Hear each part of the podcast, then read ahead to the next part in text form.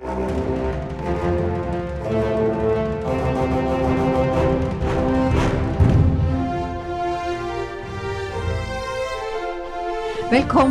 til en helt spesiell episode av Frankrike forklart. En podkast der du får svar på alt du lurer på om Frankrike.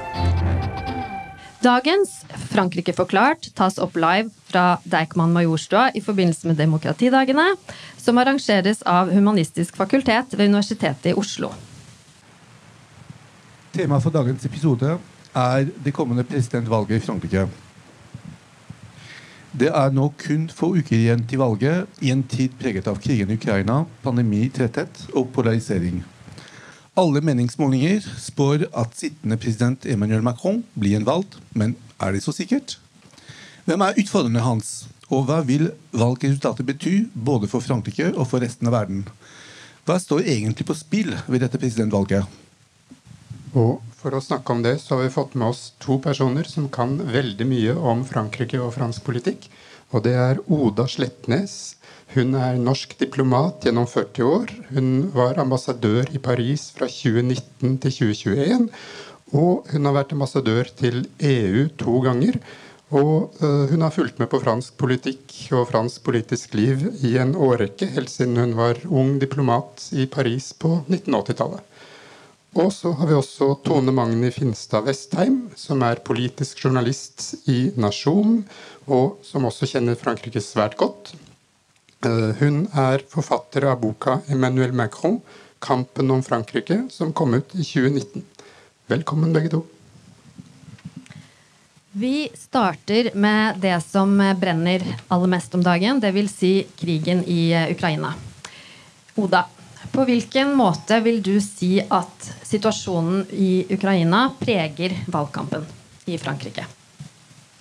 Det ville jo nesten vært oppsiktsvekkende om ikke den brutale angrepskrigen eh, mot Ukraina sto på toppen av dagsordenen i et land så sentralt plassert midt i Europa, med egen atomstyrke og med en meget engasjert utenrikspolitisk president. Det preger valgkampen på den måte at det har fått frem noen skillelinjer mellom de som står godt forankret i en transatlantisk og europeisk samarbeid, og de som stiller seg spørrende til det, sågar vil gå ut av det. Det dreier seg både om kandidater på høyre- og venstresiden av Emmanuel Macron. Eh, det splitter. Det har eh, medført som man sier i Frankrike, man har samlet seg rundt flagget, eh, støttet den sittende president. Dette kan nok eh, og har vist seg å bli svekket over den siste uken. Og det gjør jo valget enda spennende, enda mer spennende enn det kunne ha vært. fordi vi vet jo faktisk ikke hva de neste ukene vil bringe. Ja. Tone Magni, har du inntrykk av at eh, krigen i Ukraina overskygger eh, det meste annet? Eh, de fleste andre temaer under denne valgkampen? Altså Det legger jo et sånt litt paralyserende lokk over den politiske debatten, den innenrikspolitiske debatten i Frankrike. Og Macron Man ser jo igjen at han ønsker å man kan kanskje si at han utnytter, eller i hvert fall bruker denne krisen til å vise seg igjen som en slags sånn krigsherre, nærmest. Eller eh, han hadde jo også dette under eh, koronakrisen, dette behovet for å vise seg som en sånn samlende landsfader og, og heve seg litt over den politiske valgkampen som pågår. Da. Så, så han Det blir på en måte en litt sånn unnskyldning for å stige ned til de andre som deltar, eh, eller hans motstandere, som er litt eh, oppsiktsvekkende egentlig, og interessant da, i forhold til de demokratiske løftene han kom med om å, om å gjøre Frankrike til et mer forsont og mer demokratisk samfunn. Mens eh, denne Ukraina-krigen og hvordan han håndterer det, det, det viser jo at her har han kanskje brutt en del løfter. Samtidig er det også veldig interessant uh, hans holdning til Russland. altså denne Insisteringen på å holde kontakten med, med Putin og vise seg som en, uh, en sånn utenrikspolitisk eh, Eller et forsøk på å begå sånne utenrikspolitiske kupp, da, som kanskje stiller i et litt kritisk lys hvilke faktiske resultater Frankrike har oppnådd internasjonalt de siste årene, selv om det har vært mange sånne diplomatiske kupp fra fra Macrons side. Ja, Oda, du ville kommentere på Putin, nei, Macrons dialog med Putin. Putin. Nei, eh, Macron er en realpolitiker. Han er en pragmatisk utenrikspolitiker, men han er også en politiker som ikke vil sitte stille. Og Frankrike snakker med alle, eh, og de vil gjerne ha en dialog også med de som de kanskje ikke er helt og fullt enige med. Det var vel også, og var vel inntil ganske nylig, også norsk posisjon når det gjelder dialogen og samtalen med Russland. Det er jo helt rett at han ikke har oppnådd noe i den, det ser vi. Men et diplomati, diplomati eh, fra russisk side basert på løgner kan jo ikke gi resultater på noen som helst ordentlig måte. Eh, nå som vi eh, er inne og snakker om Macron allerede, så eh, kan vi kanskje også si litt om hvordan denne statusen hans internasjonalt, hva den gjør for ham i hjemlandet. Eh, for Tradisjonelt i franske nasjonalvalg så har ikke utenrikspolitikk så veldig mye å si.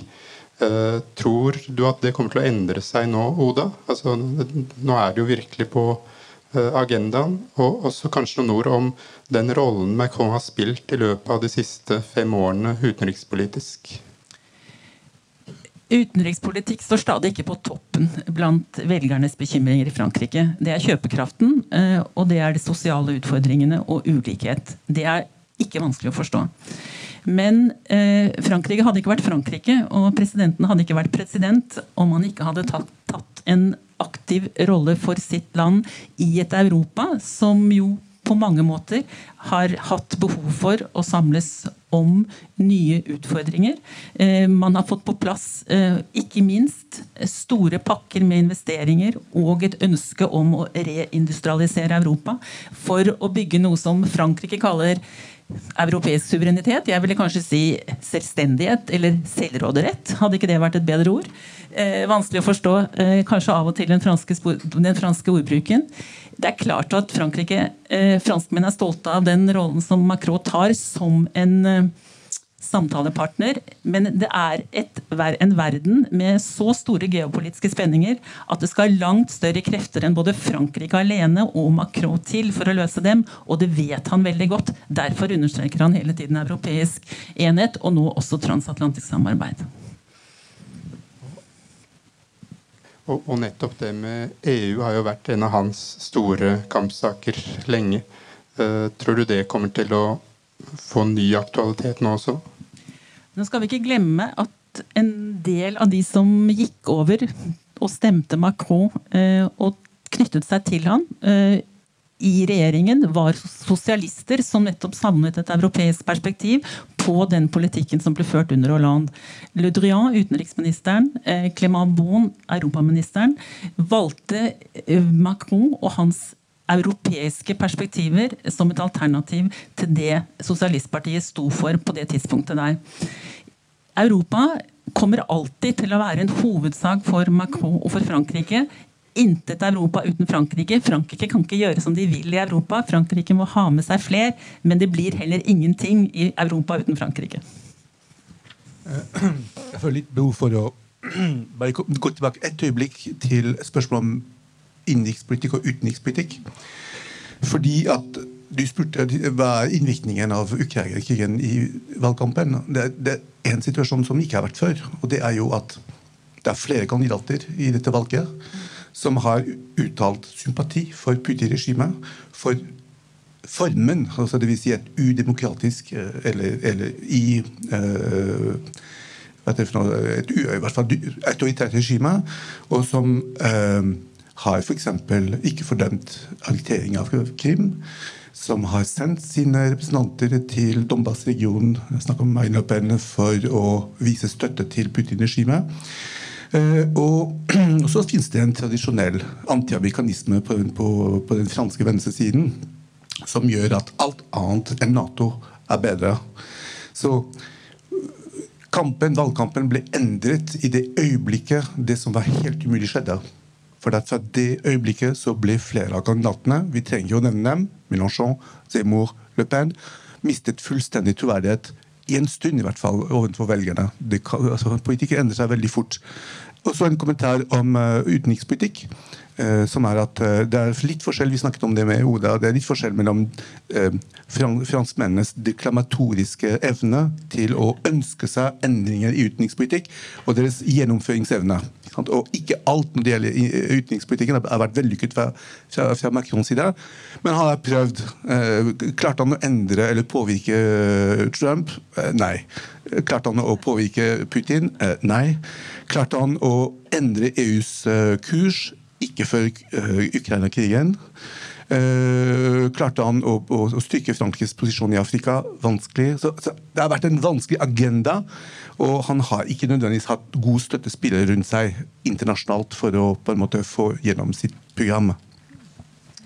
Tone? Og så er det jo også interessant å, å, å se at, at, det pågår en debatt nå om, om i og med at det legges en litt sånn lokk på den innenrikspolitiske debatten, så er det jo en sånn murring om at eh, dersom nå Macron blir gjenvalgt, er han da Altså man har tunge krefter i det eh, republikanske, altså republikanerne som sier at han da vil være en illegitim president. ikke sant? At man har sånne type debatter hvor um, det er helt påfallende for oss som fulgte valget i forrige gang, hvor lammet på en måte den politiske debatten er da, for, i forhold til det slik det var, slik det var sist gang. Og da er spørsmålet da, dersom Macron har jo ikke han har jo bl.a. nektet å stille til debatt uh, i direkte debatt med sine opponenter, selv om også tidligere franske presidenter har gjort det. Så er det jo litt påfallende at han, som egentlig er en litt sånn risikovillig president, nå er så forsiktig med å liksom tre inn i debatt og delta i den demokratiske samtalen, som kan bli problematisk senere, da, hvis han blir eh, for maktutøvelsen. Hvis han fortsetter å, å regjere på en sånn eh, vertikal, altså ovenfra og ned-måte, eh, som ja. Men uh, du, du, uh, når vi begynte å snakke om selve Macron som statsleder og, og, og mann, du skrev den, den boken, altså 'Kampen om Frankrike'.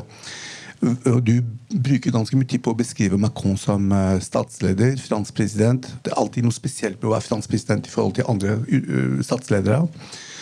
Eh, hvordan vil du beskrive han, og kanskje utviklingen fra 2017 til i dag? For Man er ikke nødvendigvis den samme etter fem år, men hvem er han i dag i forhold til den statslederen han ble i 2017?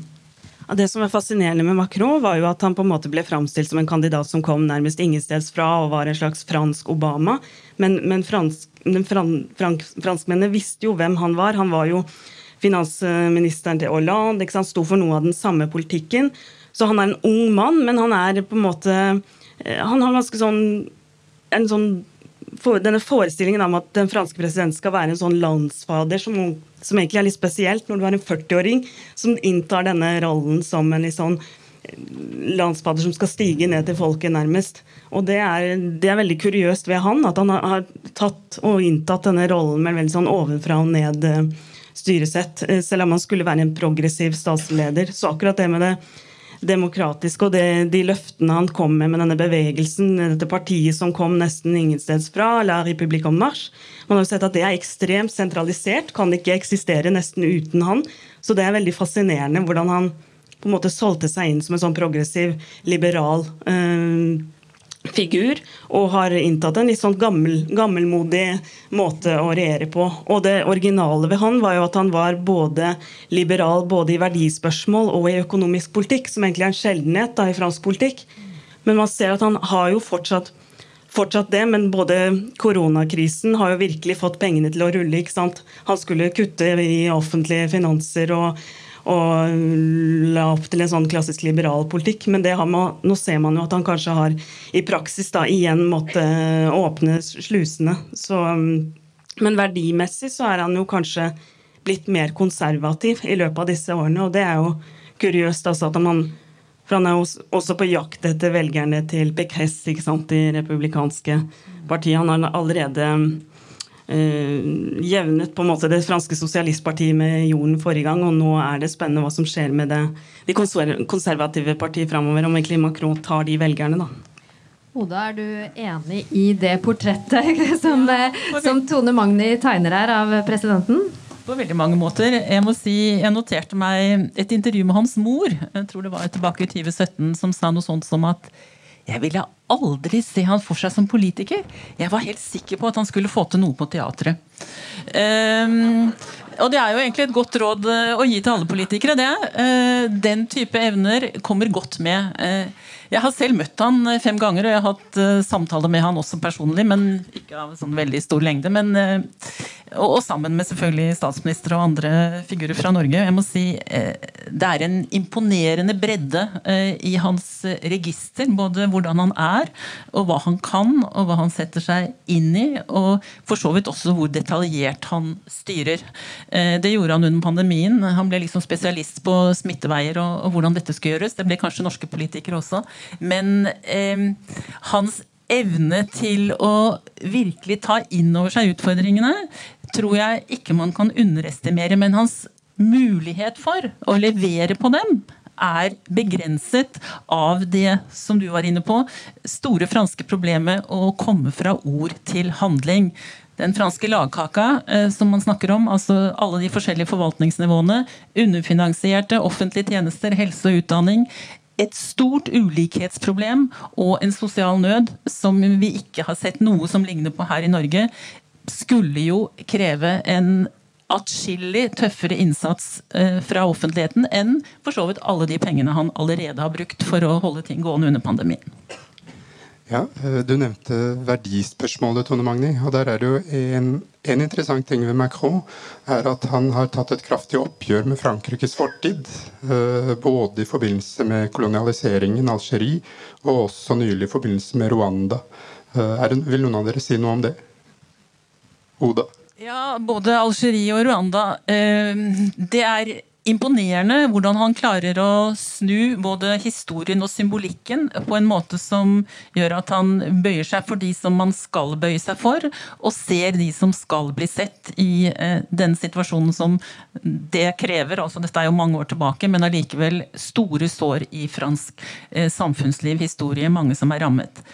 Eh, hans bevisste bruk av symboler, fremtreden jeg har snakket om det tidligere, men fransk grandeur, som vi ofte tror dreier seg om å vinne på slagmarken, eh, er i Macrons regime mer illustrert gjennom hans måte å opptre på og vise seg frem og bruke staten, eh, kulissene, arkitekturen, regien på en måte som er en meget dyktig scenograf verdig. Og han har jo også da scenografer og historikere ansatt i sitt kabinett. Du nevnte i stad, Oda, at uh, kjøpekraft er den saken som opptar uh, franskmenn mest. Og det var det også i 2018, da um, opprøret til de gule, vestes, gule vestene startet. Um, Tone Magni, det skriver jo du om i, i, boka di. Kan du minne oss litt om hva dette opprøret handlet om, og hva, hvilket preg det satte på forholdet mellom Macron og deler av den franske befolkningen?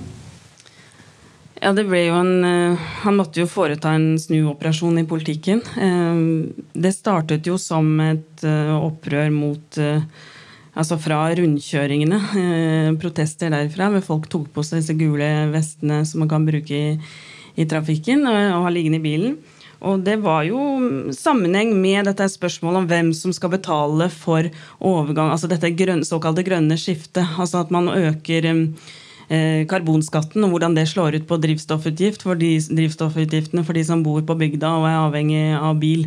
Så det ble kanskje feilaktig framstilt som et litt sånn klimafiendtlig opprør, men det var jo et sånt demokratisk eh, ønske om også dette med styresett, å gjøre noe med den femte republikken og kreve altså bedre levekår da, for de som er eh, slitere og ja, har lite å, å, rutte med, rett og slett.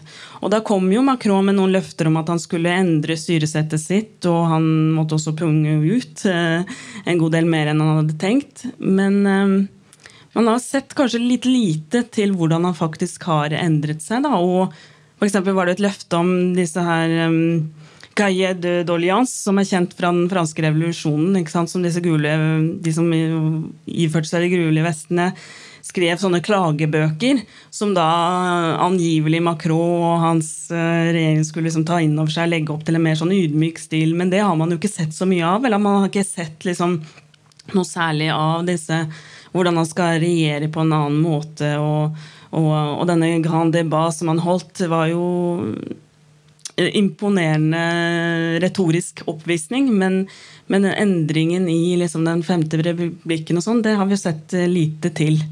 Ja, så er han jo en ganske arrogant president på mange måter. Jeg har selv blitt sjokkert noen ganger av måten han, han uh, uttrykker seg overfor arbeidsledige og andre som er litt sånn de, de glemte i republikken. Da, på en måte at han, Det er en slags klasseforakt uh, noen ganger, er mitt inntrykk. Og senest nå under pandemien så sa han jo at uh, les non vaccinés j'ai très envie de les. Så de som skjønner hva det betyr, at det er liksom å plage driten ut av de som, de som ikke ville la seg vaksinere. Det er noe med den arrogansen som kanskje har skapt en litt sånn motstand i deler av befolkningen. Er, er det ditt inntrykk òg, Oda?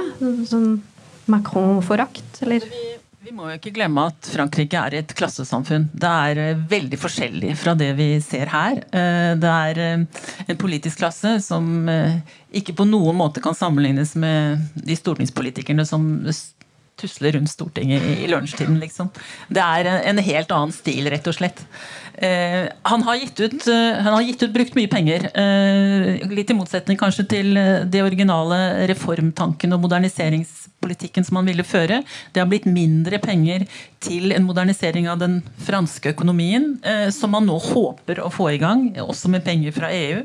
Eh, men han har altså sagt unnskyld, og han evner faktisk å si um, nå må vi stå samlet. Det var hovedbudskapet hans når han snakket om Ukraina-krisen. Men det er klart, det er en stor, stor avstand fra topp til bunn i det franske samfunnet. Det er ikke vanskelig verken å finne ut for de som leser litteraturen, eller for de som reiser til Frankrike. Og det sies jo at uh, den franske presidentmakten, da, som er egentlig sterkere enn den amerikanske, f.eks., eh, at den reelle Altså at uh, nasjonalforsamlingen er mer et sånt kammer, mer for pratekammer, eller hva man kaller det på fransk.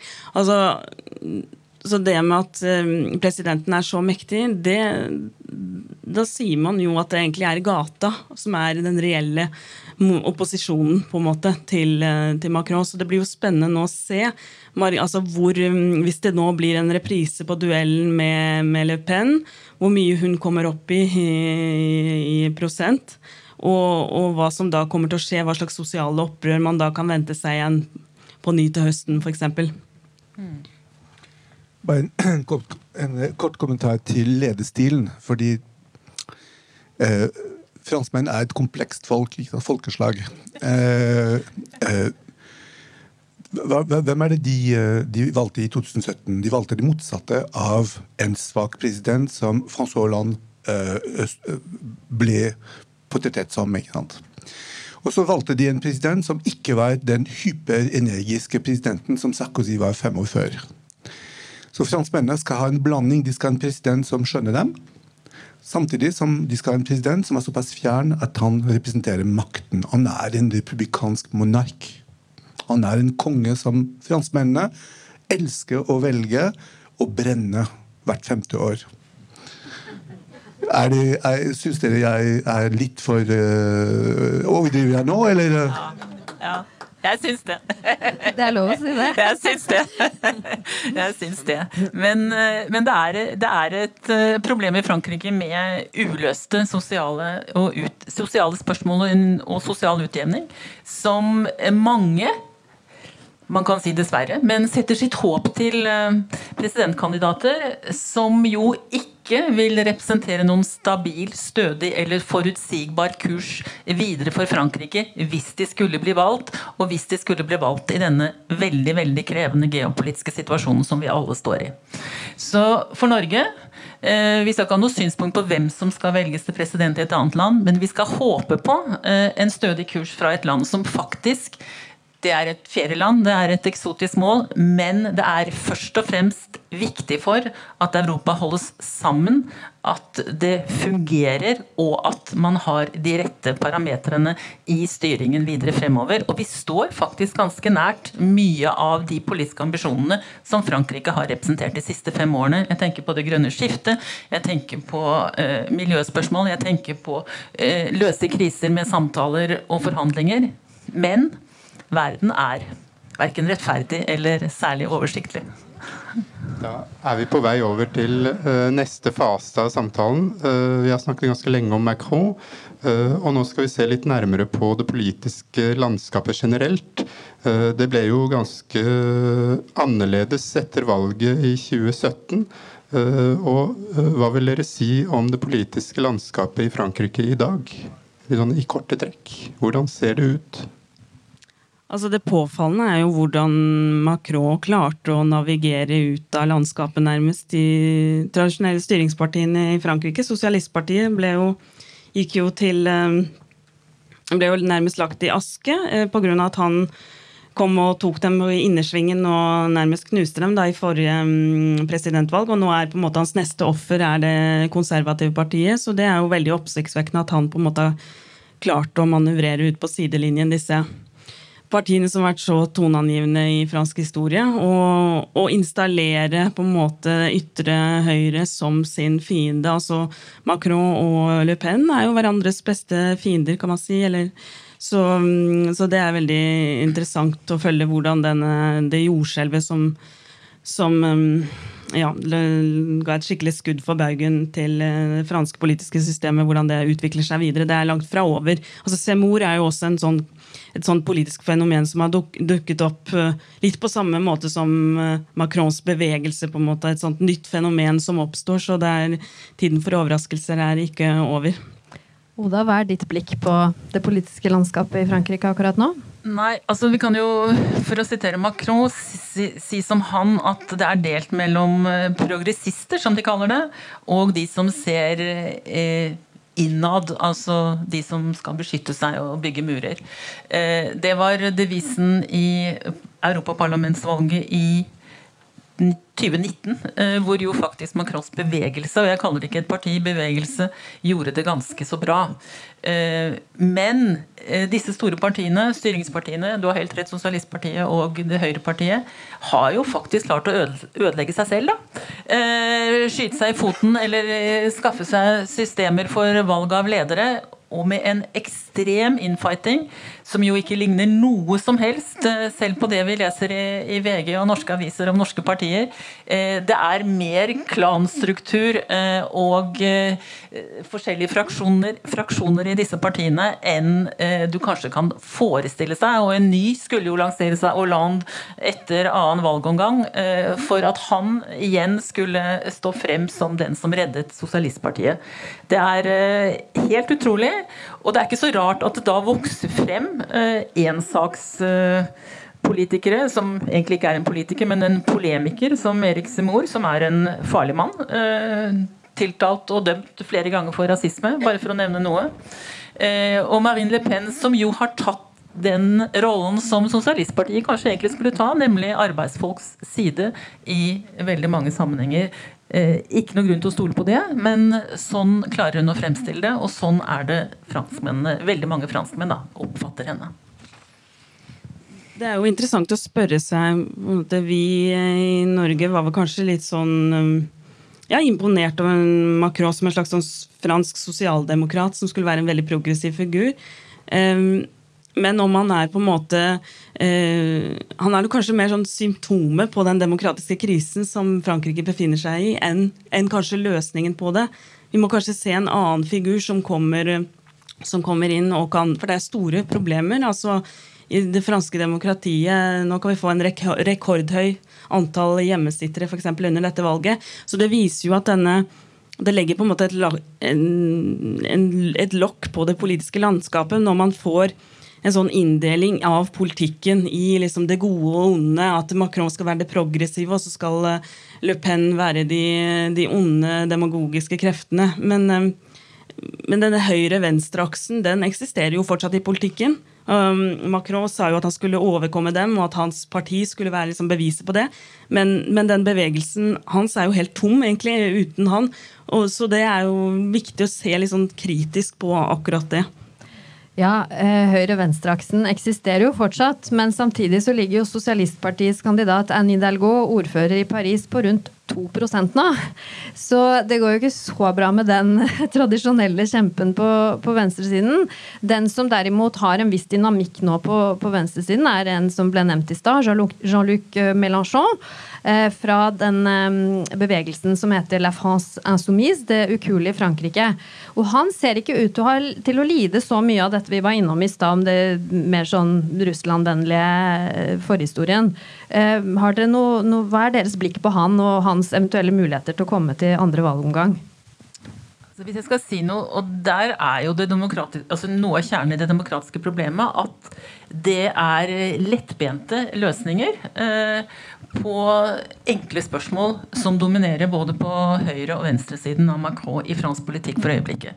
Ingen av eh, de som er eh, si, i den kategorien eh, har levert noe som helst eh, eh, sammenstilling av hva løfter og utgifter skulle innebære. Hvordan dette skulle henge sammen. Hvordan økonomien Hvordan Frankrike skulle styre utover at de har et fokus på høyresiden på migrasjon og terrorisme. Og Mélenchon på i og for seg rimelige krav. Eh, mer kjøpekraft, eh, enkle, enkle, svar. Eh, du kan sammenligne partiet hans med Rødt. Eh, aldri har de tatt ansvar. Og jeg tror Frankrike ville bli ganske ustyrlig eh, hvis de faktisk fikk presidenten.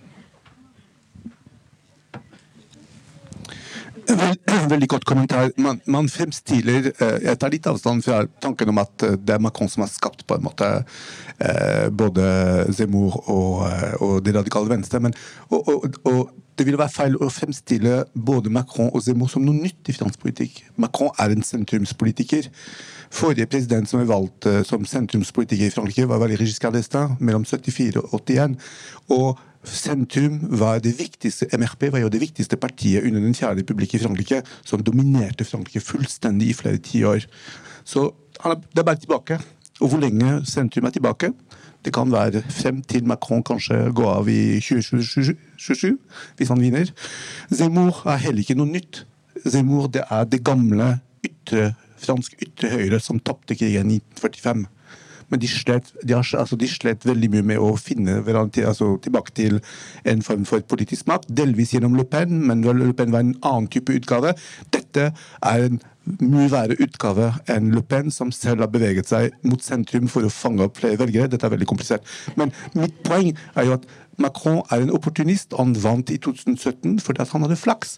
Både høyresiden og venstresiden ble radikalisert, og dermed så var det en boulevard i midten som han tok. Don Magni, er du, er du enig i den uh, diagnosen? Ja, absolutt, og en ekstremt god taktiker. Han grep muligheten mye raskere enn en, en sine konkurrenter, så det er det ingen tvil om. Men det er jo også imponerende å se hvordan, hva slags stamina altså Marine Le Pen har. Nå utstiger fortsatt på målingene. Og mm, den eh, forliset, altså den debatten hun hadde i 2017 med Macron, den, eh, den er, virker det som nå er glemt, på en måte. Hun kryper eh, tettere innpå han, selv om det ikke skjer noe i dette valget nødvendigvis. Så, så er det oppsiktsvekkende at, at, den tabben hun begikk, den er på en måte nå, nå tilgitt. Og, og Semor bidrar jo til å framstille henne som langt mer moderat, og hun kan på en måte snakke til dette arbeiderklassesegmentet som Sosialistpartiet er helt ute av kontakt med. Ja, og en, en, meningsmåling i dag viste at uh, i en annen valgomgang mellom Marine Le Pen og Emmanuel Macron, så er, kan uh, Marine Le Pen få opp mot 45 av, av stemmene, og er da med feilmarginen da farlig nær å, å, vinne. Oda, hva tror du om hennes vinnersjanser? Altså, jeg, jeg, må jo si at Det er jo grunn til bekymring når en tredjedel av franske velgere samlet faktisk går for veldig høyreradikale løsninger på uh, de fleste problemer. Det er uh, såpass ekstremt. altså Man får jo Seymour, jeg er helt enig, eh, Marine Le Pen til å virke som en uh, sosialdemokrat, men her er det skinnet som bedrar. altså Det må jeg faktisk si. Dette er folk som styrer ikke etter nesa si, men etter helt andre parametere. Dette er farlig, og det er en vekke for Europa. Og det er jo trist, da, fordi Frankrike har jo, som du sier, hatt disse kreftene lenge men har klart å holde dem nede og holde dem borte. Eh, og hvis vi igjen skal liksom ende opp hver eneste gang med en kandidat fra ytre høyre, som skal være et av alternativene i presidentvalget, så må jeg si det er litt leit for Frankrike, syns jeg faktisk. Hennes sjanser? Nei, jeg har ikke noe tro på at hun blir valgt. Ehm, jeg lener meg litt på en sånn ehm, sannsynlighetsanalyse eller det er sånn matematiske regnestykke som de hadde gjort i The Economist, det passer veldig bra for dem, på hvordan, eh, hva er sannsynligheten, altså ikke bare opinionsmålinger, for at Macron faktisk går videre til annen valgomgang. Den er svært, svært stor, men den er jo selvfølgelig ikke 100 og, og sannsynligheten for han vinner er også svært stor. Men eh, vi lever altså i en veldig uforutsigbar tid. Fire uker eh, kan være lenge i politikken. Jeg er helt enig. Og vi skal liksom ikke eh, ta noe for gitt. Og dette er utrolig viktig for oss alle.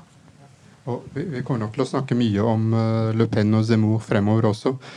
Men en kandidat som vi ikke har snakket så mye om, som også er interessant å se nærmere på, det er da kandidaten for det tradisjonelle høyrepartiet, Le Républicain, Valérie Pécresse. Hva vil dere si om henne som Hun har lang fartstid som politiker.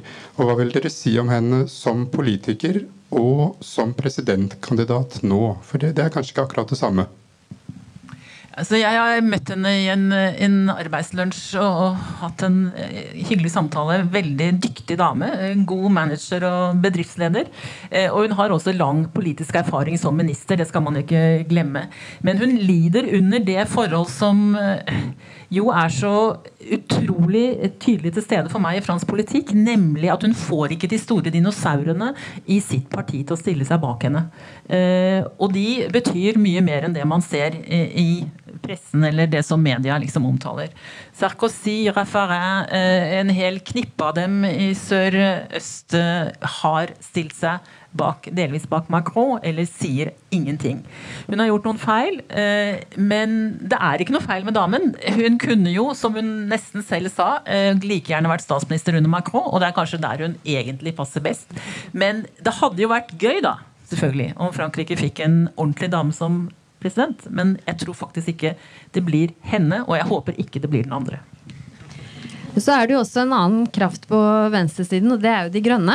De gjorde det veldig godt i valget til EU-parlamentet i 2019. Ble tredje største parti.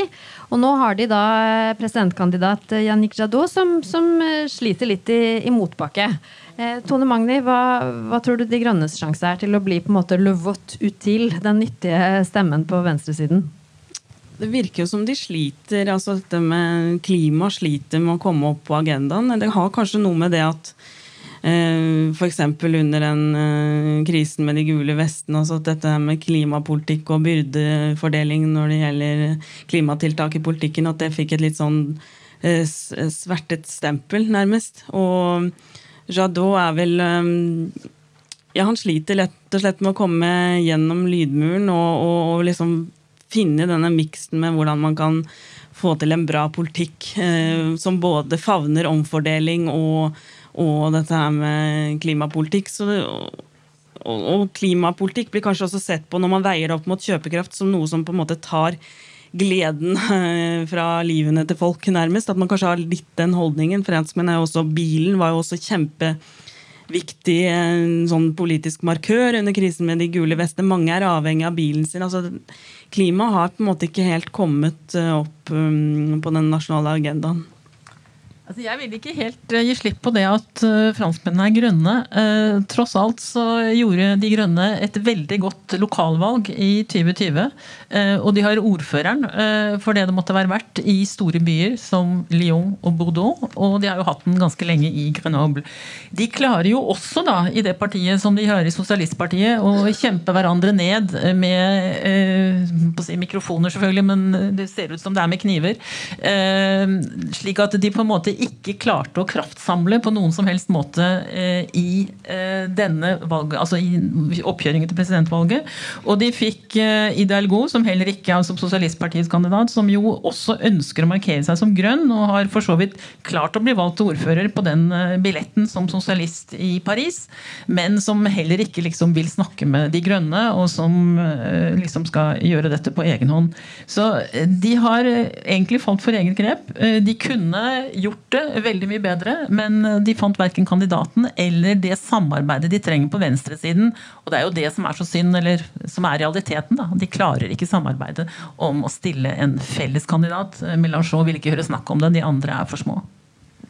Da har vi fått sett litt på landskapet eh, blant politikerne. Mens eh, hvis vi nå mot slutten ser litt på velgerne eh, Dere har allerede nevnt saker som kjøpekraft og klima. hvilke saker er det som opptar de franske velgerne mest? Altså Det som alle trodde, og som jo mange svarer, er at det er innvandring og sikkerhet som opptar franske velgere. Det tror jeg faktisk er en sannhet med noen modifikasjoner.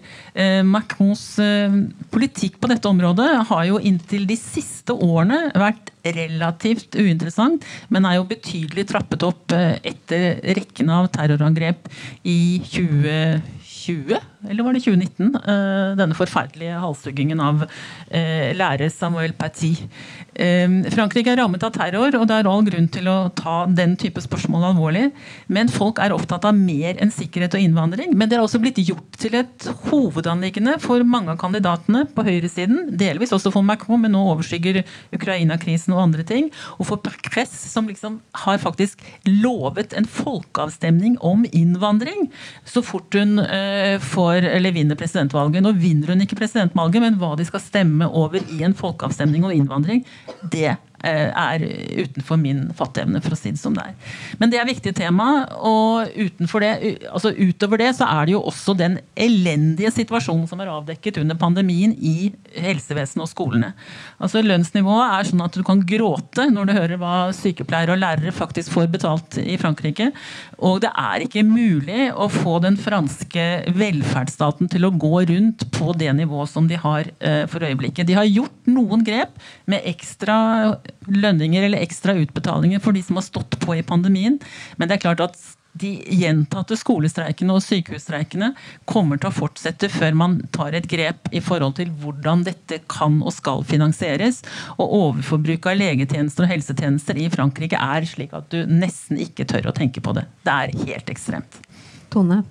Og man ser jo også at ja, f.eks. Macron har jo foretatt en snuoperasjon. I utgangspunktet en sånn veldig liberal innstilt i verdispørsmål og, og synet på innvandring f.eks. Hadde han et veldig sånn positivt bilde i valgkampen forrige gang, men nå har han jo strammet til kraftig og foretatt en mye mer sånn konservativ tilnærming. Det er sikkert også for å stjele velgere fra, fra, det tradisjonelle høyrepartiet, altså Le Républicain. Så, så, det er en sånn uh, litt oppsiktsvekkende, og overraskende snuoperasjon for mange av de sosialistvelgerne som ga sin tillit til han den gangen. Og det viser jo også, jeg tror på målingene nå, at nå er det faktisk flere av uh, Fions velgere i, um, i 2017, altså den konservative kandidaten den gangen, som støtter uh, Macron, MPCRES f.eks. Så det viser jo at han har uh, også lagt sin elsk på dette mer sånn konservative tankegodset. Frank, vil du ta det siste spørsmålet til uh, våre gjester tenkte, før vi runder av? Jeg tenkte å bare sin kommentar, så kan du ta det siste i forhold til oppmøte, eller i hvert fall valgoppslutning. Den har vært lav før. Hvis man ser på valget, presidentvalget i 2002, så var den veldig lav. Må huske på at til første omgang så hadde Chirac 20% av, av stemmene. Så, så det at man får en veldig lav oppslutning uh, er en konsekvens av at det er få velgere som deltar i valget. Men, men uansett hvor lav oppslutningen er, uh, er det veldig farlig å gjøre det flere politikere har gjort. Det er også tvil i presidentens legitimitet etter at han er valgt etter andre omgang. Hvis det at du blir valgt videre til etter første omgang med 19-20 betyr ikke at du er illegitim når du, er, når du vinner andre omgang.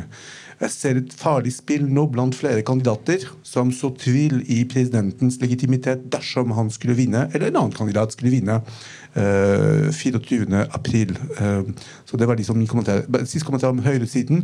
Man må ha ideer for å ha et parti. Det handler ikke bare om mennesker. Uh, høyresiden i dag er skviset mellom en liberal del som har gått til Macron, og en, en konservativ del som har, gått, som gått til Zemmour og Le Pen. Det er ikke noe igjen av høyresiden. Det er ikke plass. Hvis jeg bare kan si eh, litt om eh, deltakelsene ved valget i Frankrike. For det har altså gått jevnt nedover, og det var katastrofalt eh, ved regionvalg og region- og fylkesvalget i 2021. Eh, det var nede på de verste, altså de verste regionene tror jeg det var nede på 40% deltakelse. Kanskje enda lavere. Eh, det var noen som sa det var godt vær, og det var det. Jeg var der. Eh, solen skinte og folk Det var barbecue. Men det er jo et tankekort, Og det, den andre siden av det er at ungdommen går ikke og stemmer, hvilket jo også er veldig trist. Eh, og i dette tilfellet så vil det kunne bety en fordel for Macron. Hans, hans velgergruppe er noe eldre, og de er bedre utdannet og bor i byene og har lettere for å gå for å stemme. Men det er altså et tankekors at i dagens verden så må du altså da melde deg på listen.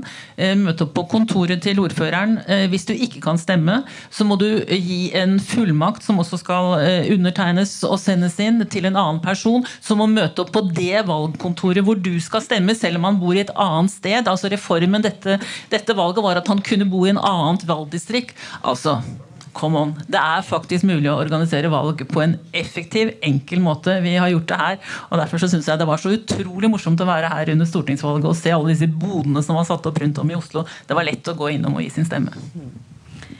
På slutten av hver episode så ber vi våre gjester om å komme med en fransk eh, anbefaling. Hva er, dine, hva er din anbefaling til våre lyttere, Oda? Nei, Jeg plukket fram to bøker som jeg har lest eh, det siste halvåret, og som jeg syns eh, sier noe om vår tid. Og eh, Jeg tror begge to er kommet på norsk. Erik Vuillard skriver sånne korte, små bøker. Og denne Dagsorden, som den vel heter på norsk, gir et lite innblikk i eh, hvordan det skjedde tror man. Eh, det er fiksjon, men allikevel. I 1933, 1938, og det er vel et glimt også fra 1942 eller et eller annet sånt noe. Det som slår meg, er hvilken betydning økonomien, eh, de store selskapene og industrien har i riggingen av Hitlers krigsmaskin. Det er et tankekors i dagens Ukraina-krig, og noe som også franske selskaper, eh, ikke minst eh, Renault måtte stenge i går, er utsatt for og bør merke seg for å unngå å komme i en sånn situasjon at man finansierer dette. Sosiale ulikhet i Frankrike. Man kommer ikke unna Edvard Louis. Og den beste av bøkene syns jeg faktisk er 'Historien om hans mor'. Den gir nemlig håp og eh, en positivt spinn på at det er mulig å komme seg ut av den vanskelige situasjonen som jeg tror hans familie har delt med veldig, veldig mange i Nord-Frankrike. Kan bare legge til at Vuillard har nå nylig kommet med en ny bok eh, om Indo, det man kalte fransk Indokina. Eh, og der har jo også Frankrike noen svin på skogen. Eh, så det er også et, eh, noe som er interessant å lese.